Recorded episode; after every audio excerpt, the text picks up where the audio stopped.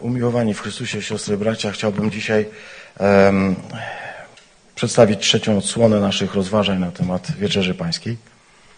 Jeśli e, pozwolicie, rozpoczniemy od e, czytania z e, pierwszego listu do Koryntian z dziesiątego rozdziału i z wiersza mm, od 14 do 17. Przeto umiłowani, uciekajcie od bałwochwalstwa jak do rozsądnych mówię. Osądźcie sami, co mówię. Kielich błogosławieństwa, który błogosławimy, czyż nie jest wspólnotą krwi Chrystusa? Chleb, który łamiemy, czyż nie jest wspólnotą ciała Chrystusa? Bo jednym chlebem, jednym ciałem wielu jesteśmy, ponieważ wszyscy w jednym chlebie uczestniczymy. Amen. Pobłogosław nas, Ojcze, kiedy się nad Twoim słowem chcemy pochylić, chcemy, aby ono przeniknęło nasze serca. Jesteśmy utkani z Twojego słowa. Potrzebujemy Twojego słowa.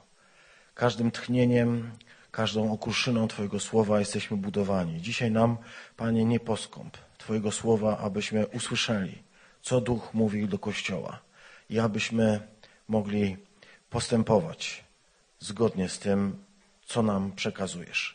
Pobłogosław nas, pobłogosław swój Kościół, pobłogosław także mnie. W imię Chrystusa. Amen.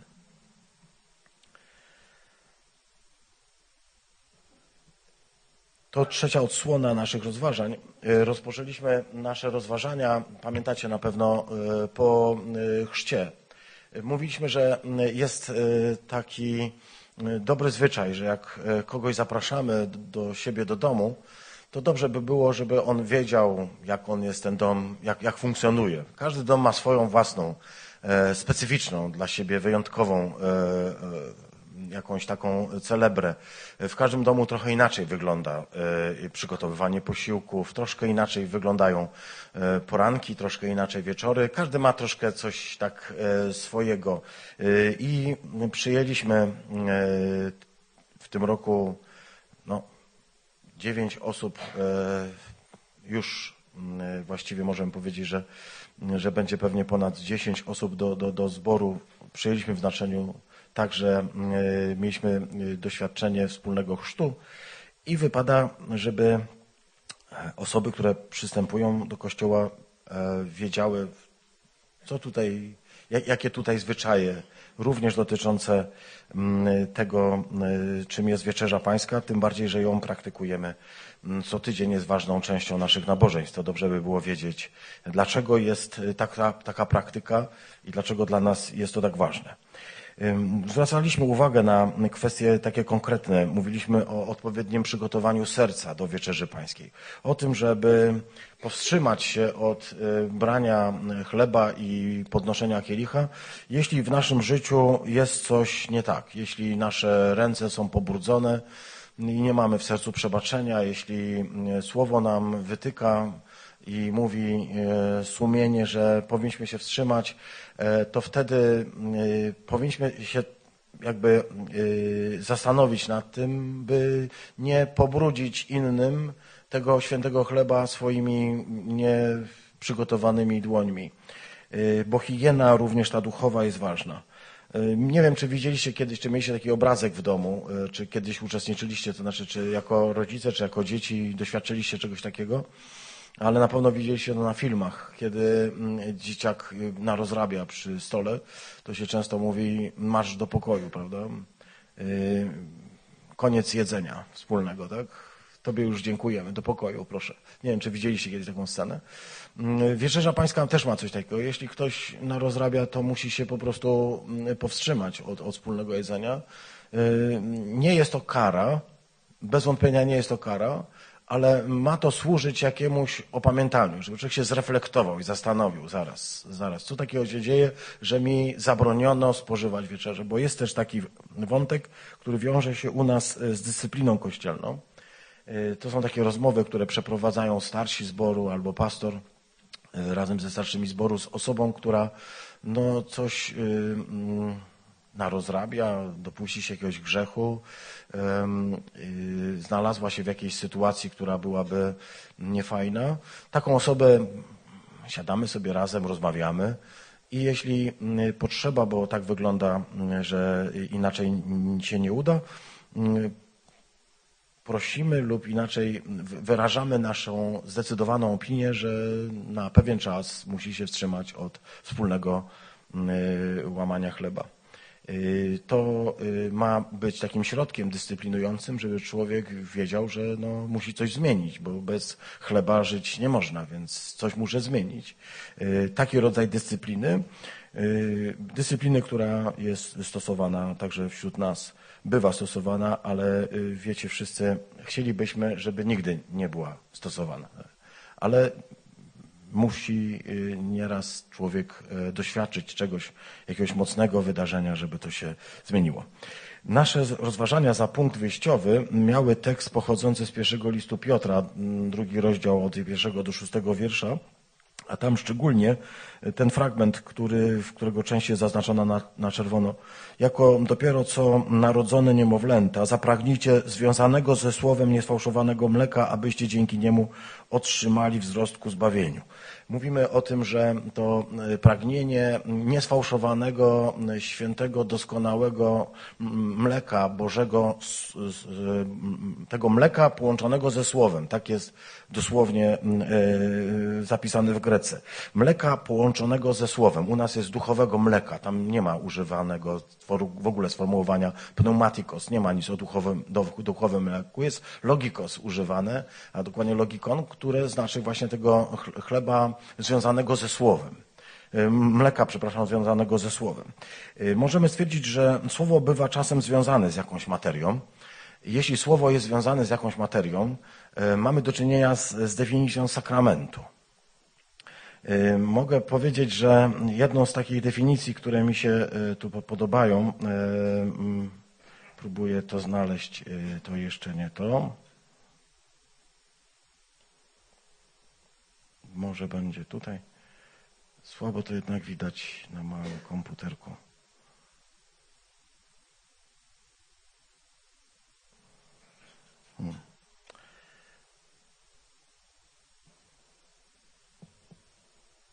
Augustyn o sakramencie.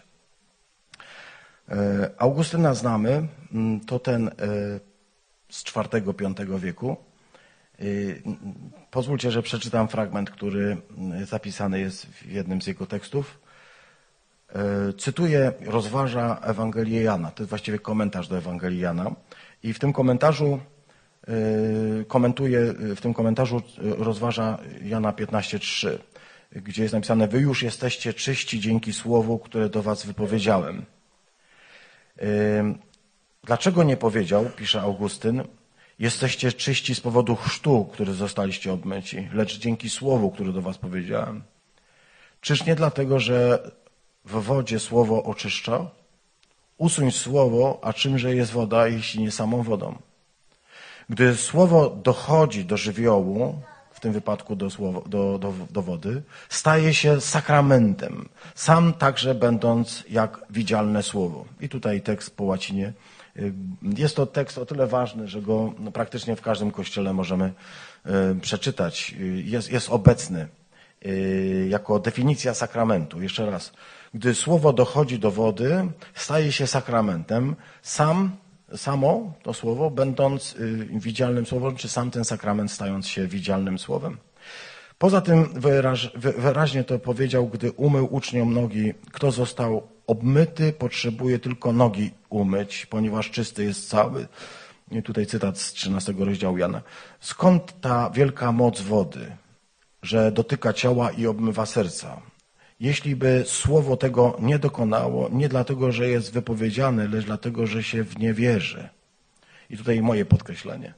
E, Augustyn zwraca uwagę na to, że e, nie działa tylko samo słowo automatycznie, to co nazywa się ex opera operare. Czyli nie, nie tak, że po prostu ktoś coś powie, jakąś formułę magiczną i człowiek nagle był brudny, jest czysty, tak? Był grzesznikiem i już jest święty.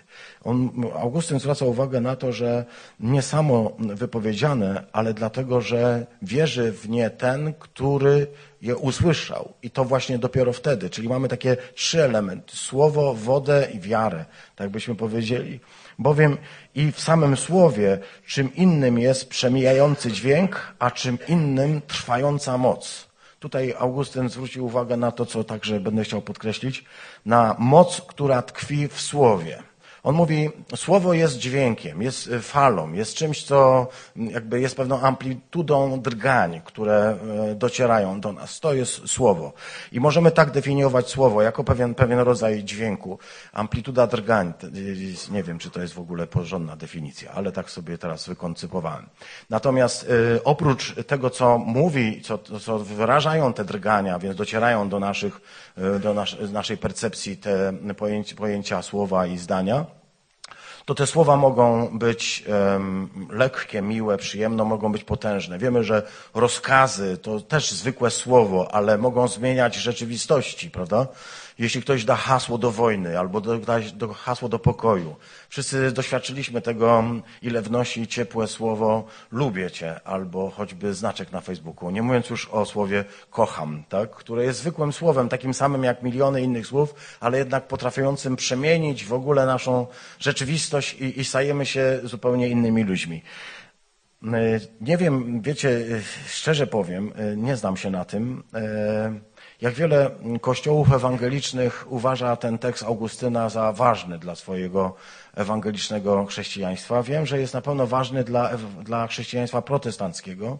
Luteranie, Kalwini i inne odmiany protestantyzmu uważają go za fundamentalny i oznacza, że to jest tekst, który definiuje sakrament. Czyli woda, która jest połączona z głoszonym słowem i z wiarą człowieka, który to słowo przyjmuje. My to szczególnie chcemy podkreślić, że do tego wszystkiego potrzebna jest y, wiara. Yy, wiara człowieka, który to definiuje. Kościół y, ewangelicki na ten przykład y, definiuje Kościół w następujący sposób. Kościół jest tam, gdzie wiernie naucza się Ewangelii i należycie udziela sakramentów. Nie wiem, jak się Wam podoba taka definicja, ale my wolimy taki, taką definicję. Kościół jest tam, gdzie dwaj lub trzej się gromadzą w imię Chrystusa. Tam, gdzie dwaj lub trzej się zbierają w imię Chrystusa, tam jest Kościół. Y, bo tam jest Chrystus między nimi obecny. Ale ja chcę powiedzieć, że to gromadzenie się dwóch lub trzech to nie znaczy, że po prostu spotkaliśmy się w tramwaju, w trójkę już jesteśmy kościołem, który może e, właściwie wszystko robić, bo te dwaj lub trzej, e, którzy się gromadzą w imię Chrystusa, jest to zapewnienie także o obecności Chrystusa w różnych e, codziennych, codzienności naszej. Ale kiedy mówimy o kościele, to nie mówimy tylko, że dwaj lub trzej się zgromadzą i po prostu o czymś porozmawiają, posiedzą sobie w kolejce, porozmawiają sobie o czymś w tramwaju, tylko po prostu yy, mówimy o kościele, gdzie przepowiada się Ewangelię. Yy, tutaj yy, zwrócili na to uwagę ojcowie reformacji, gdzie wiernie przepowiada się dobrą nowinę, wiernie, czyli zgodnie ze Słowem Bożym. Przepowiada się Słowo Boże w sposób taki, że mm, tam, gdzie się zwiastuje Słowo, to też powiedzą te, te księgi e, e, e, symboliczne protestantyzmu. Tam, gdzie się głosi Chrystusa, tam Chrystus jest obecny. Dlatego, że jeśli go się wiernie głosi, zgodnie ze Słowem, tam jego obecność jest zagwarantowana. Ale drugim elementem, który tutaj podkreśla wyznanie augsburskie, jest to, że należy, że sakramentów udziela się należycie, czyli zgodnie z pewną zasadą. A więc nie pochopnie, nie byle jak, nie z, y, w taki sposób, że y, ostatecznie możemy się zastanawiać, czy w ogóle mieliśmy do czynienia z wieczerzą pańską, czy z chrztem. Czyli należycie, to znaczy, jeśli mamy do, do czynienia z, z, taką sytuacją, gdy mm, sprawowana jest wieczerza, to musi być sprawowana zgodnie z pewnym porządkiem, należycie. Mm, bywa tak, że teksty nie są e, jakby, nie od tego są czytane. Pamiętam kiedyś to tak na marginesie mm, e, nabożeństwo, na którym ktoś czytał tekst Ewangelii Łukasza z 22 rozdziału i przeczytał mm, nie ten fragment do Wieczerzy Pańskiej. Chcę powiedzieć, to nie znaczy, że Wieczerza Pańska nie jest ważna, ale chcę powiedzieć, że y, trzeba dbać tutaj o należyte sprawowanie. Tak jakby kogoś na przykład zanurzać w wodzie, bo powiesz za chwilkę, że to jest już, nie wiem, mm, ktoś sobie coś wymyślił, ja sobie coś wymyśliłem. Ale gdybyś wszedł do wody z kimś, kto go, kogo przygotowałeś do chrztu, a potem byś powiedział na przykład, błogosławiony jesteś, który jesteś chrzczony, amen, i tak go ochrzcił, to czy to byłby chrzest? Aby był chrzest, potrzebne jest to słowo, które jest związane z chrztem. Tak? Czyli ja Ciebie chrzczę w imię Ojca i Syna i Ducha Świętego, bo dopiero wtedy takie, takie y, wydarzenie nabiera charakteru chrztu. A jeśli tam wejdziesz i powiesz cokolwiek, to nie znaczy, że wystarczy, że cokolwiek powiesz. E, przy wieczerzy jest tak samo. Nie wystarczy, że się po prostu coś powie i, i jest, ponieważ Jezus dał konkretną e, obietnicę, konkretne słowo i powiedział, że to się musi wiązać z konkretnymi mm, jakby mm, terminami, to znaczy tam musi, muszą padać pewne rzeczy. I to, to jest właśnie protestanckie ujęcie mm, e, sakramentologii. E, możemy idąc dalej powiedzieć to, co tydzień temu podkreślaliśmy, że Bóg nie dał nam do obchodzenia, do świętowania pustych znaków, pustych symboli.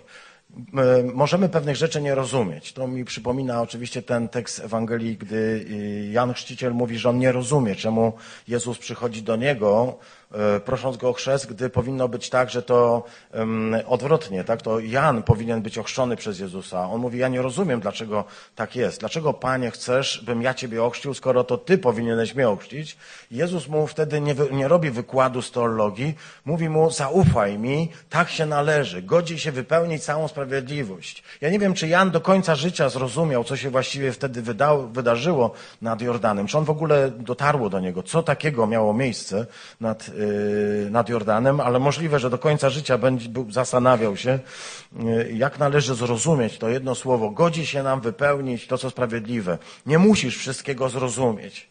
Tak? My podkreślamy, że przy Wieczerzy Pańskiej nie musimy wszystkiego zrozumieć. E, możemy wielu rzeczy jeszcze nie pojmować, a może będziemy całe życie e, pojmować, próbować zrozumieć i, i w jakiś sposób ogarnąć to, zinterpretować, ale jedno, jednego możemy być pewni.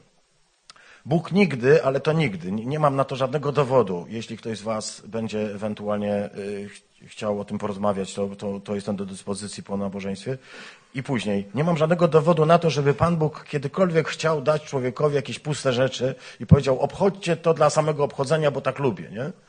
Macie świętować coś, bo ja bym chciał, żebyście świętowali, ale tam nic nie ma w środku, tak? Bóg zawsze, kiedy daje nam coś do mm, y, wypełnienia, to, to nigdy nie są puste obrzędy, rytuały, które trzeba robić, bo trzeba je wykonywać, w których jest jakaś magiczna moc, ale zawsze, gdy nam każe coś zrobić, to dlatego, że jest w tym zawarta jakaś istotna rzecz. Na przykład może być zawarte no, przede wszystkim y, Jego Słowo. Y, mówiliśmy, że naszym Zbawicielem nie jest y, woda, tak jak nie jest chleb czy, czy wino. Naszym Zbawicielem był, jest i pozostanie Jezus Chrystus i to Jego będziemy codziennie celebrować i każdego, każdej niedzieli głosić. Dzięki Słowu, bo sakrament, którym jest także Wieczerza Pańska, jest y, Słowem który nie jest pusty, nie jest pustym znakiem, którym ma, mamy się popatrzeć i pomyśleć sobie, o, y, fajnie to wygląda, ładny kielich albo smaczny chleb. Ja chcę powiedzieć, że y, w tym tkwi y, i moc, i, i siła, która jest nam potrzebna do tego, byśmy wypełnili to, z czym Bóg ją tę wieczerzę nam daje do wypełnienia. Chcemy powiedzieć, że w Wieczerzy Pańskiej przede wszystkim nasza celebracja, nasza y, cała y, jakby kierunek działania skupiony jest na, na Chrystusie. Cała celebracja, cała celebra związana z tym, że bierzemy ten kielich, bierzemy chleb, czytamy słowo, wszystko to nie ma skupić nas na tej rzeczywistości, którą tutaj obserwujemy, ale zwrócić naszą uwagę na Chrystusa. To On jest dla nas przedmiotem naszego uwielbienia, jest źródłem i centrum tej celebracji.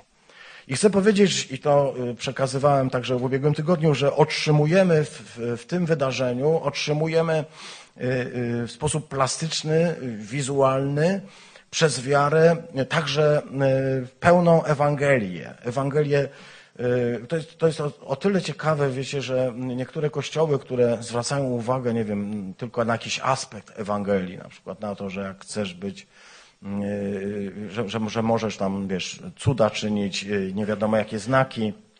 Bóg chce, żebyś był bogaty, Bóg chce, żebyś był taki, żebyś był szczęśliwy i tak dalej. To jeśli się ostatecznie zbiorą wokół stołu, to powiedzą to, co jest samym sednem Ewangelii, że Chrystus umarł za Twoje grzechy i że wzbudził y, Bóg go z martwych dla Twojego usprawiedliwienia i że każdy, kto ma udział w tym chlebie i winie, ma udział w tej rzeczywistości duchowej, która stała się y, jakby głównym y, kerygmatem chrześcijaństwa. Otrzymujesz w, w Wieczerzy Pańskiej otrzymujesz pełną Ewangelię, otrzymujesz dar i obietnicę, ale także to są znaki prorocze. Jest coś takiego jak znak proroczy i to widzieliśmy w Starym Testamencie. Możemy powiedzieć, że w Nowym Testamencie takim znakiem proroczym jest wieczerza, ponieważ znak proroczy to jest coś takiego, co czyniąc zapowiadasz. Ewangelii, na przykład prorocy Ezechiel na przykład, e, czy Jeremiasz, czytaliśmy go, mówił, e, czynił pewne rzeczy, tak? Kupił jakąś ziemię. To był znak proroczy. Znak proroczy, który miał wyrazić coś takiego, że co prawda dzisiaj jesteśmy zesłani do niewoli, ponieważ dopuściliśmy się grzechu, ale on kupuje już ziemię, ponieważ mówi, wrócimy tutaj i może to nie nasze pokolenie, może kolejne pokolenie, ale wrócimy i będziemy uprawiać ziemię i już jest w tym nadzieja.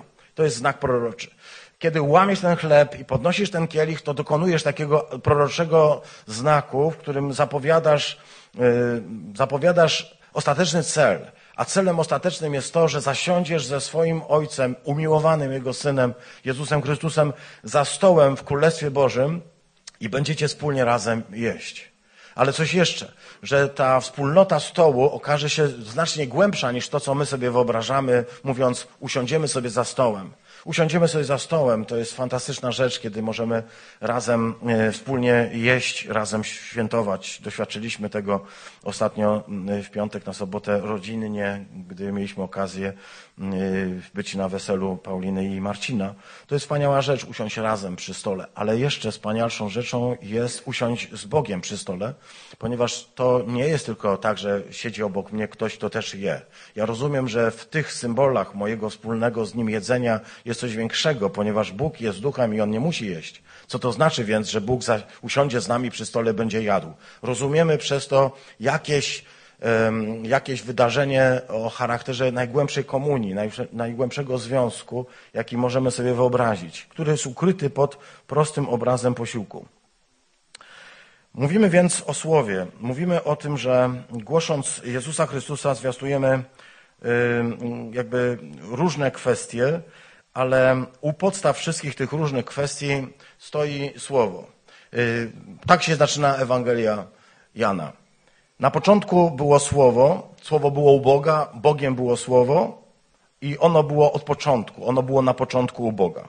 I potem czytamy dalej o tym, że to Słowo było na świecie, o tym, że ten świat nie poznał tego Słowa, ale ci, którzy to Słowo przyjęli, tym dał moc i prawo, by stali się dziećmi bożymi. Tym, którzy się nie narodzili z krwi i z ciała, ani z rządzy mężczyzny, ani z żadnego innego powodu, ale którzy się z Boga narodzili, tym dał prawo, by stali się dziećmi bożymi. I kończy to w tej części prologu święty Jan słowami, a słowo stało się ciałem i zamieszkało wśród nas. W tym tekście możemy zobaczyć coś takiego, co dla nas jest też fundamentalne, dla naszego rozumienia tego, czym jest wieczerza pańska. Mówimy o tym, że słowo jest dźwiękiem, jest amplitudą drgań. Ale mówimy też, że pod tym e, terminem słowo rozumiemy też e, taką zdolność, którą posiada Bóg, by słowo prze, e, stało się ciałem. To jest ten zwrot Wajahi, Dawar, Yahweh i wydarzyło się słowo. Słowo nie jest tylko dźwiękiem, który dochodzi do naszych uszu. Jest też dźwiękiem, który dochodzi do naszych uszu, wchodzi do naszego serca i wykonuje e, swoją pracę. Ale chcemy powiedzieć, że to słowo staje się e, w chrześcijaństwie synonimem samego wcielonego Jezusa Chrystusa, Logos, Słowo, które jest ciałem. Słowo, które przyjmuje postać, staje się konkretnym ciałem i jako ciało jest przez nas rozpoznany. Jest rozpoznany człowiek, który wydaje się zwykłym, normalnym, a okazuje się jest wcielonym Słowem, jest wcielonym Bożym y, Synem.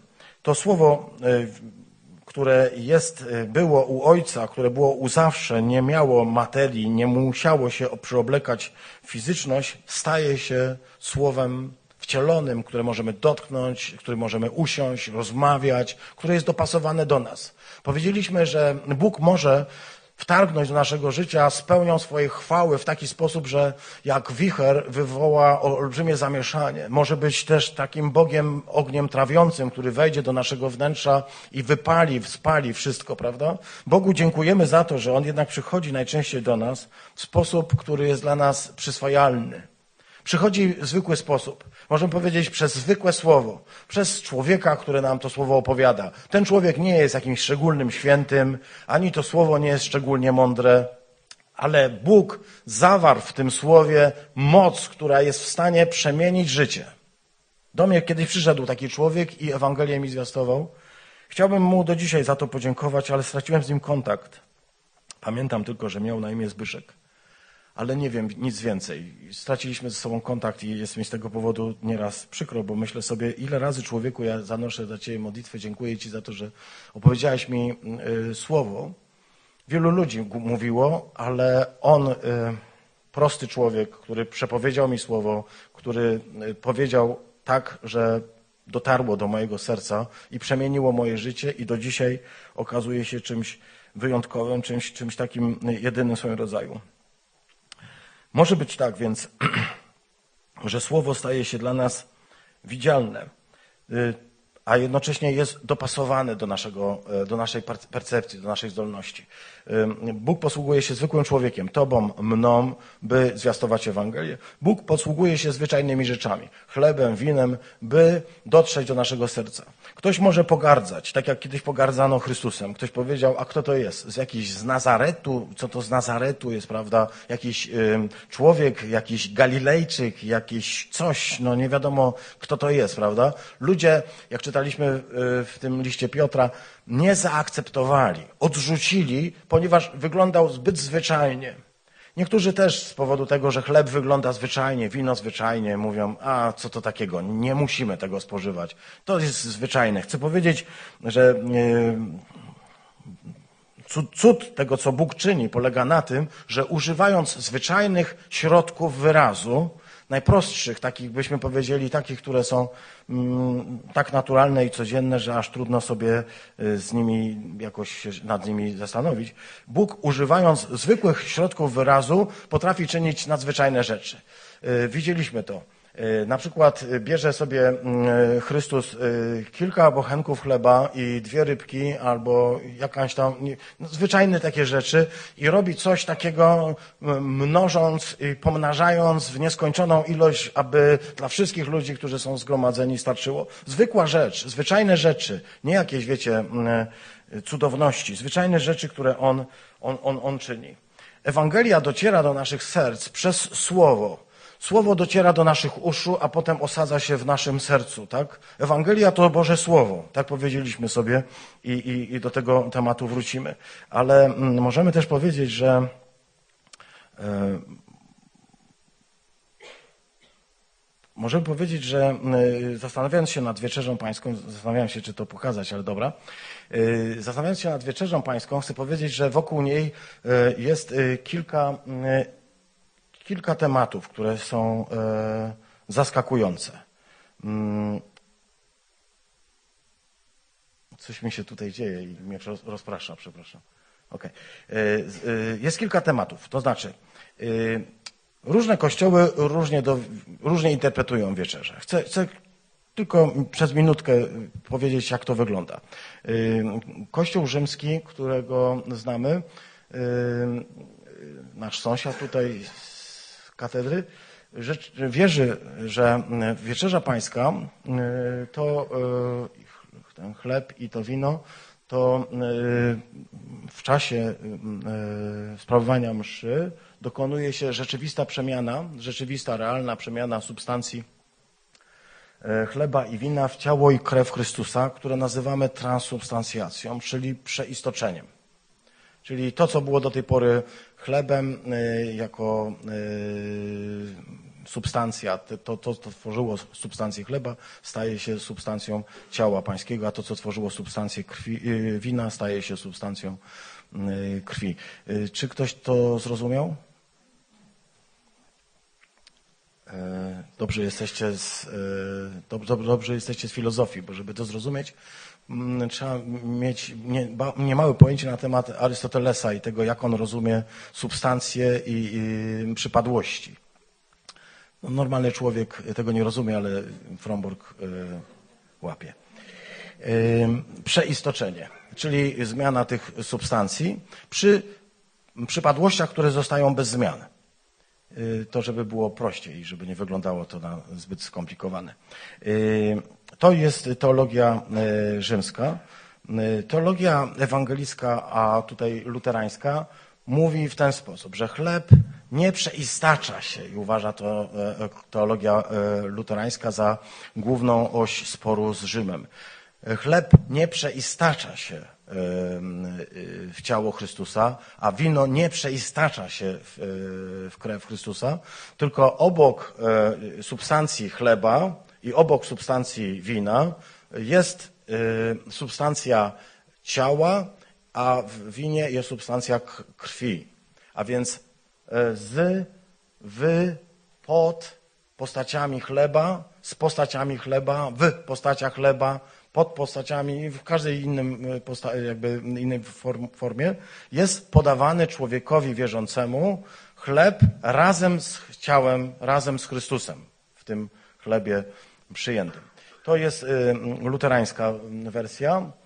Jest y, y, inna, mianowicie y, wersja Zwingliego. Zwingli to nauczyciel, który mniej więcej w tym samym czasie rozpoczął swoją reformację co Luter, ale doszedł do innych wniosków, jeśli chodzi o wieczerzę pańską, bo on doszedł do następującego wniosku, że wieczerza pańska jest znakiem i pamiątką, jest znakiem komunikacji. A najprościej możemy to wyrazić w ten sposób, że patrzysz się na ten kielich i patrzysz się na chleb i twoje oczy powinny być od razu skierowane w górę, w Chrystusa, tak? To nie jest tak, że Chrystus, tak jak wierzy Luter, Chrystus wstępuje w ten chleb i wstępuje w to wino, bo Chrystus, mówi Zwingli, pozostaje tam, gdzie jest, czyli w niebie a ten znak raczej wskazuje na Chrystusa, to można by mniej więcej przedstawić w ten sposób. Patrzysz się na y, element, na, na, na kielich z winem i na chleb, ale powinieneś zwrócić uwagę w jednym kierunku, w kierunku Pana Boga.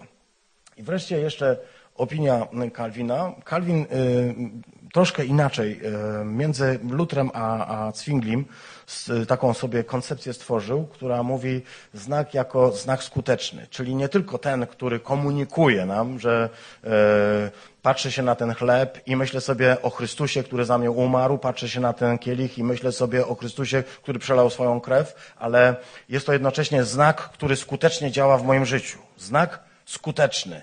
Czyli nie tylko taki, który wskazuje, komunikuje, ale też działa. To jest ta, ta różnica między y, znakiem komunikującym a znakiem skutecznym. Jeśli dla kogoś to wszystko wydaje się zbyt skomplikowane, to yy, proszę się tym nie przejmować. Yy, ja myślę, że jeszcze przez kilkanaście lat będziesz mógł się nad tym zastanawiać i myśleć i, i jeśli nie miałeś do tej pory dylematów teologicznych, to już będziesz miał. Jakiś jeden zawsze będziesz mógł odpowiedzieć na pytanie, czy miałeś jakiś dylemat teologiczny, powiesz, mam jeden na mojego pastora. Y, on, on ma. Y, ta y, szybka informacja dotycząca tego, czym jest, czym jest wieczerza pańska, według tych protestantów prowadzi nas jeszcze do takiego Y, y, protestanckiego teologa, który się nazywa Paweł Paul Tillich. Jest jednym z najwybitniejszych teologów ewangelickich i on przedstawił swoje rozumienie y, symbolu. Według jego rozumienia symbolu możemy powiedzieć, że mm,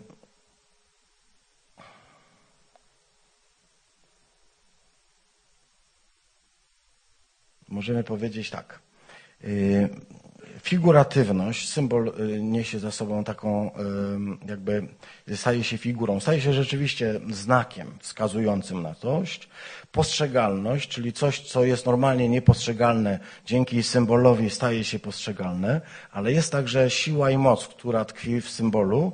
I wreszcie partycypacja. E, to, czego nie widział chyba i nie chciał e, dostrzegać Zwingli, że symbol wieczerzy nie jest tylko znakiem wskazującym, ale uczestniczy w tym, w co wskazuje. Jeśli to jest dla Was zbyt skomplikowane, siostry bracia, to chcę tylko powiedzieć, że dla mnie to jest ultra bardzo skomplikowane. Więc jeśli ktoś z tym ma pewien problem, to chcę powiedzieć, ja próbuję to przedstawić najprościej, jak potrafię, a już widzicie, że y, przechodzę siebie, żeby to wyjaśnić. Y, wracamy do naszego tekstu podstawowego z pierwszego listu do Koryntian, z dziesiątego rozdziału.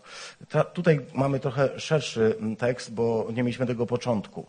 Y, początek zaczyna się od tego, że święty Paweł mówi, nie chcę bowiem bracia, żebyście nie wiedzieli, że ojcowie nasi wszyscy byli pod obłokiem, Wszyscy byli, mm, przeszli przez morze i wszyscy przez Mojżesza zostali ochrzczeni w obłoku i w morzu i wszyscy ten sam duchowy pokarm spożywali, wszyscy ten sam duchowy mm, napój pili. Pili zaś towarzyszące im skały, a to jest Chrystus. Widzimy, że ten tekst y, pięknie pokazuje nam istotę naszego chrześcijaństwa, bo mówi nam nie mniej, nie więcej jak o tym, że wszyscy byli pod obłokiem, czyli y, tym, co dla nas stanowi symbol co jest symbolem Ducha Świętego, y, tym Duchem Świętym ogarnięci, jesteśmy zagarnięci przez Boga do Jego królowania. To znaczy Duch Boży nas pociąga ku sobie, a dalej czytamy, wszyscy przeszli przez morze. Morze jest symbolem śmierci, jak wiemy, bo tak właśnie się zdarzyło to Egipcjanom. Morze jest symbolem śmierci, ale fakt, że oni przeszli przez morze jest oznaką zmartwychwstania z kolei. Jeśli przeszli przez śmierć, znaczy przez, y, weszli w zmartwychwstanie. I wreszcie ma to wyraźny tutaj udział w tym wyrażeniu. Wszyscy za Mojżeszem zostali zanurzeni w obłoku i w morzu. Czyli w obłoku i w morzu. Pamiętacie, Jezus powiedział, musicie się narodzić z wody i z ducha. To jest jakby ta sama symbolika ciągle, przepiękna zresztą, obecna, która jest symboliką chrzcielną w tym wypadku. No i duchowy pokarm oraz duchowy napój. Gdybyśmy się zastanowili, co to za duchowy pokarm oraz duchowy napój oni jedli, to byśmy mogli dojść do y, przedziwnego wniosku. Mianowicie w Księdze Wyjścia jest to szczegółowo opisane w XVI rozdziale o tym, że Izraelici narzekali na to, że nie mają co jeść. I Bóg im powiedział w ten sposób, jak możemy przeczytać. Pan powiedział wówczas do Mojżesza, oto ześlę wam chleb z nieba na kształt deszczu. Czy wiemy, o jaki chleb z nieba chodzi? O mannę. Mannę, która może być chlebem z nieba rozumiana w ten sposób, że spadnie z nieba jak deszcz, prawda? Ale y, w dyskusji, którą Jezus miał ze swoimi e, uczniami, a może także słuchaczami w synagodze w Kafarnaum, oni powiedzieli, pokaż nam znak. On mówi tak, e, dam wam znak, którego, który Bóg dał Izraelowi w czasie, kiedy był na pustyni. Ten znak, który ja wam dam, to jest znak manny. Mówi tak, to nie Mojżesz dał wam mannę z nieba, to Bóg wam dał mannę z nieba i to był chleb, który z nieba stępuje. I robiąc dalej jakby aluzję do tego, o czym przed chwilką e, przeczytaliśmy, co przed chwilką przeczytaliśmy, mówi wprost, że to On jest tym chlebem życia, który z nieba stępuje. I kiedy czytamy sobie ten tekst, to e, wyraźnie On, e, nasz Pan Jezus Chrystus, mówi, że tym chlebem Bożym, który z nieba stępuje i, i daje życie światu, jest ten, który teraz wam to mówi, y, tutaj y, mm, czytamy. Y, kto do mnie przychodzi, nie będzie nigdy głodny, nie będzie nigdy łaknął, a kto do mnie, kto we mnie wierzy, nie będzie nigdy pragnął. I tutaj mm, ten tekst moglibyśmy czytać, ten szósty rozdział.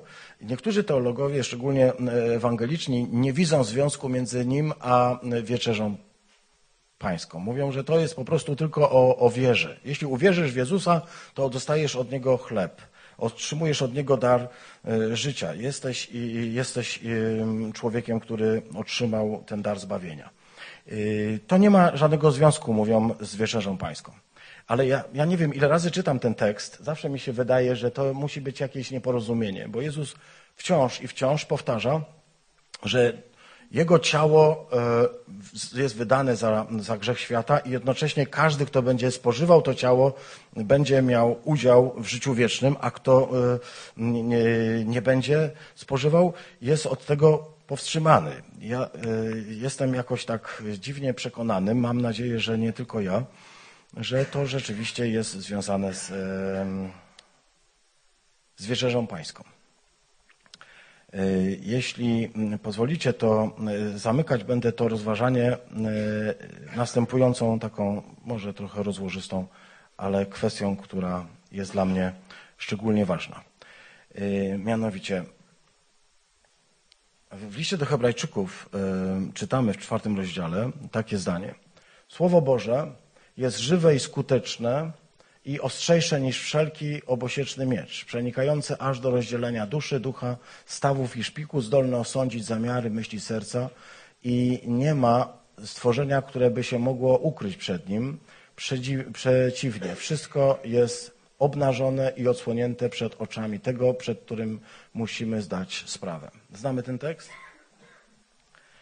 E, niedawno dotarło do mnie, że to jest e, to jest tekst, który dotyczy oczywiście e, Słowa Bożego rozumianego jak, jako, jako głoszone słowo albo czytane słowo. Nie wiem, czy, czy tak właśnie je traktujemy, prawda?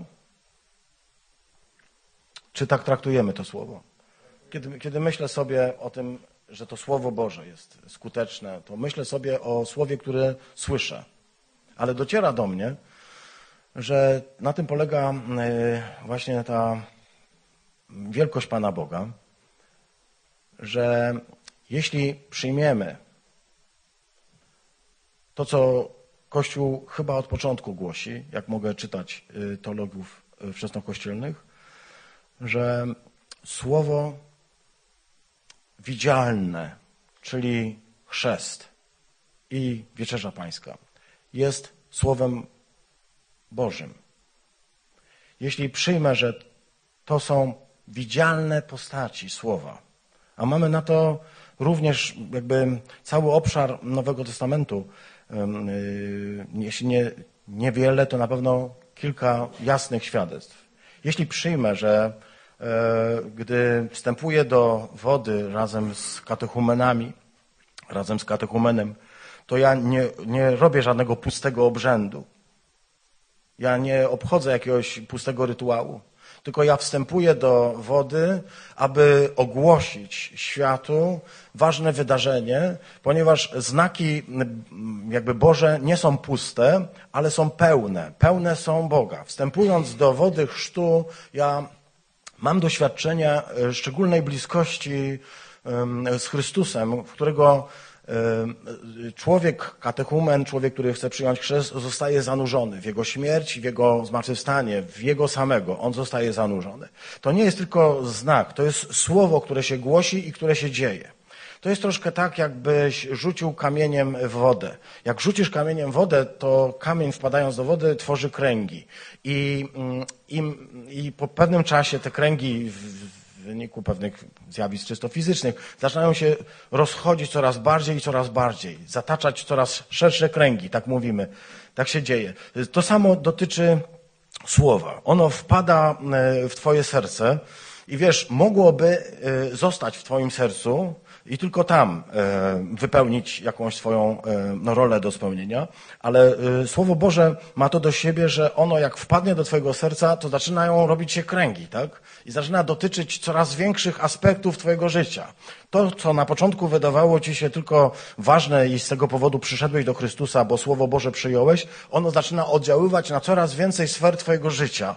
I oddziałuje zarówno na te, które są wewnętrzne, te, które są centrum Twojego dowodzenia, te, które stanowią Twoją jaźń i to, co jest istotą Twojego istnienia, Twój byt, to, co tworzy to, kim jesteś, Twoją samoświadomość, to e, właśnie, co nazywamy jestestwem nie tylko jakby tu uderza w pierwszej kolejności, tu dokonują się zmiany, ponieważ tu jest centrum dowodzenia i tu Bóg zaczyna działać, nie na zewnątrz, tak, tylko w środku. Najpierw zaczyna działać w środku, ale to nie jest tak, że na tym kończy, bo potem zaczyna oddziaływać na Twoje poglądy na różne tematy, zaczyna przemieniać Twój sposób myślenia i wreszcie zaczyna docierać także do tego, co nazywamy sferą fizyczną, materialną, Twoim ciałem.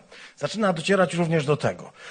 Dlatego, że y, Bóg y, stworzył człowieka istotą y, składającą się co najmniej z, z, aspektu duchowego i fizycznego, tak, czyli psychosomatycznego, tak? Niektórzy w teologii naszej ewangelicznej widzą taką trychotomię. Duch, dusza, ciało, czyli człowiek składa się z tych trzech elementów, mówią.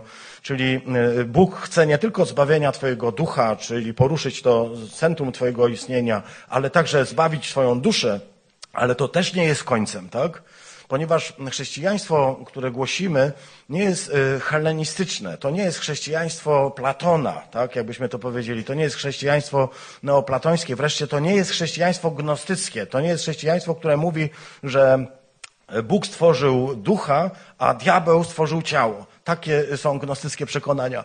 Otóż my wierzymy w to, że ten sam Bóg, który stworzył i ulepił Twoją duszę i stworzył Twojego ducha i stworzył to, co stanowi istotę Twojego jestestwa, jest tym samym, który stworzył Twoje ciało. To nie jest inny Bóg, to jest ten sam Bóg, a Ty jesteś jednym jednym ciałem, y, y, y, które zawiera w sobie te wszystkie aspekty. Ta psychosomatyczność, jak mówią lekarze, czy jakby mógł powiedzieć psycholog, stanowi właśnie o tym, że zbawienia nie potrzebuje tylko Twój duch. Nie tylko Twoja dusza potrzebuje zbawienia, ale Twoje ciało potrzebuje zbawienia. A jeśli tak, to musi istnieć też sposób kontaktu Pana Boga swoim ciałem.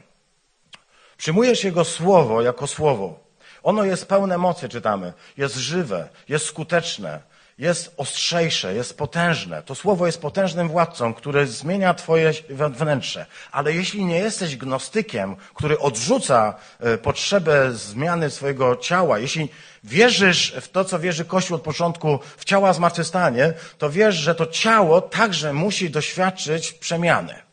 To ciało też musi doświadczyć przemiany. Sakrament Wieczerzy Pańskiej chleb i wino, które spożywamy, jest niczym innym, siostry bracia, gdyby ktoś mnie zapytał o prostą definicję, jest niczym innym jak skutecznym, żywym Słowem Bożym.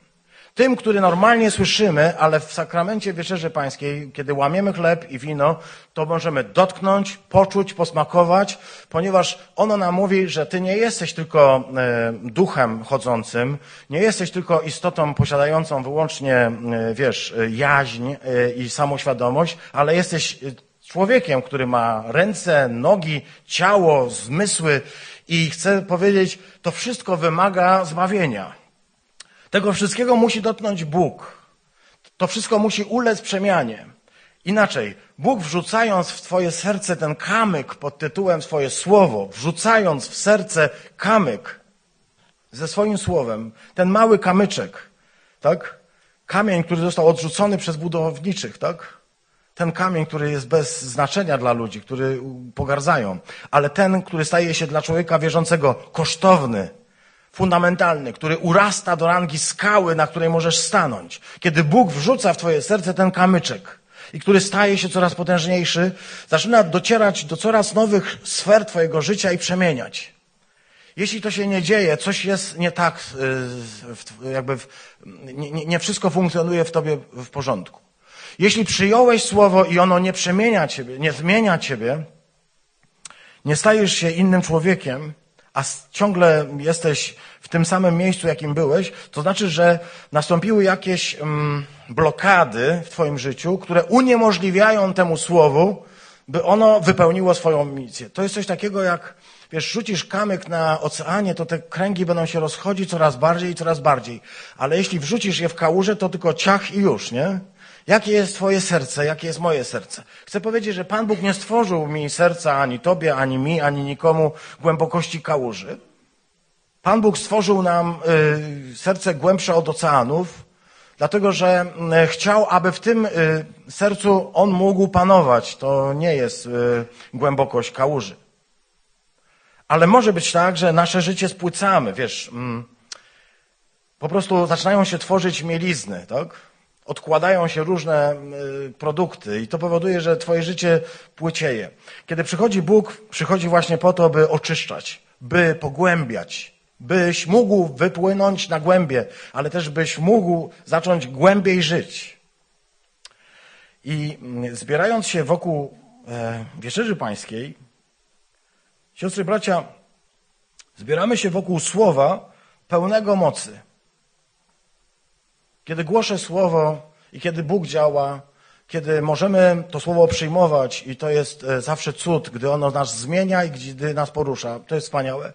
Ale dzisiaj, siostry bracia, nie tylko możemy głosić słowo, my także możemy uczestniczyć widzialnie w słowie, ale to jest to samo słowo.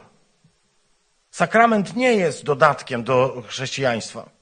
Wieczerza Pańska nie jest czymś, co jest alternatywne dla słowa, albo czymś, co może być, albo może nie być. Kościół, pamiętacie co powiedział? Co mówią y, te księgi y, y, wyznaniowe? Kościół jest tam, gdzie jest głoszone słowo i należycie sprawowane sakramenty. Tam jest Kościół.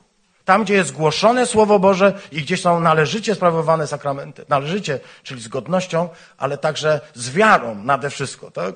I tutaj, zwracając na to uwagę, chcę powiedzieć, że to należyte sprawowanie sakramentów jest przepowiadaniem Bożego Słowa, tego słowa pełnego mocy, żywego i potężnego. Każdy człowiek, kto wyciąga rękę po chleb i bierze kielich do góry, podnosi, by w imieniu Chrystusa y, mieć udział w tym, co Bóg daje, tak naprawdę przyjmuje do swojego serca, ale nie tylko wiarą, bo to jest y, oczywiście, ale także swoimi kubkami smakowymi, zmysłami, przyjmuje odrobinę chleba, odrobinę wina. Odrobinę chleba i odrobinę wina. I ten chleb i to wino to jest widzialne słowo. To słowo, które przemienia nie tylko moją duszę, mój sposób patrzenia, ale które jest także zapowiedzią proroczą, zapowiedzią tego, że i moje ciało zostanie przemienione. Dlatego chcę w tym brać udział, bo to jest moja wiara w to, że także moje ciało, takie grzeszne, słabe, mm, takie, że po dwóch dniach ciężkiej roboty, prawda, już człowiek po prostu nie wie, jak się nazywa. Takie ciało Bóg chce przemienić. I wieczerza pańska służy do tego. Jest dla nas proroczym zapowiedzią, jest dla nas nadzieją, jest pewnością, że każdy, kto będzie miał udział, będzie powołany do zmartwychwstania. W Ewangelii jest to właśnie powiedziane, prawda? Kto będzie spożywał ciało i pił krew, kto będzie miał udział e, w chlebie i winie, będzie mógł liczyć na zmartwychwstanie. Oczywiście możemy powiedzieć, a co z tymi, co, co nie jedli wieczerzy pańskiej, nie zdążyli i tak dalej, czy też zmartwychwstaną? I cały tysiąc innych pytań. Nie zadawaj ich teraz, tak? Co z innymi? Nie zadawaj sobie pytania, a co będzie gdyby, a co będzie z tamtymi. Zadaj sobie pytanie, co z tobą? I na to pytanie spróbuj odpowiedzieć. Czy wierzysz w ciała zmartwychwstanie? Czy wierzysz w to, że Bóg je stworzył i chce, żeby ono do powieki wieków istniało? Czy wiesz, że jego pokarmem tego ciała jest chleb i wino? Tak jak duszy jest ciało i krew Chrystusa. Tak, ciało, e, tak ciała jest chleb i wino, ale to jest ciągle to samo słowo, które może przemienić. Jeśli z wiarą do niego podchodzisz, ono przemienia twoje życie, ponieważ jest pełne mocy, jest żywe, skuteczne i ostrzejsze niż wszystkie miecz obusieczny. Bogu nie będą dzięki za to słowo. Zapraszam was serdecznie do wieczerzy pańskiej. Amen.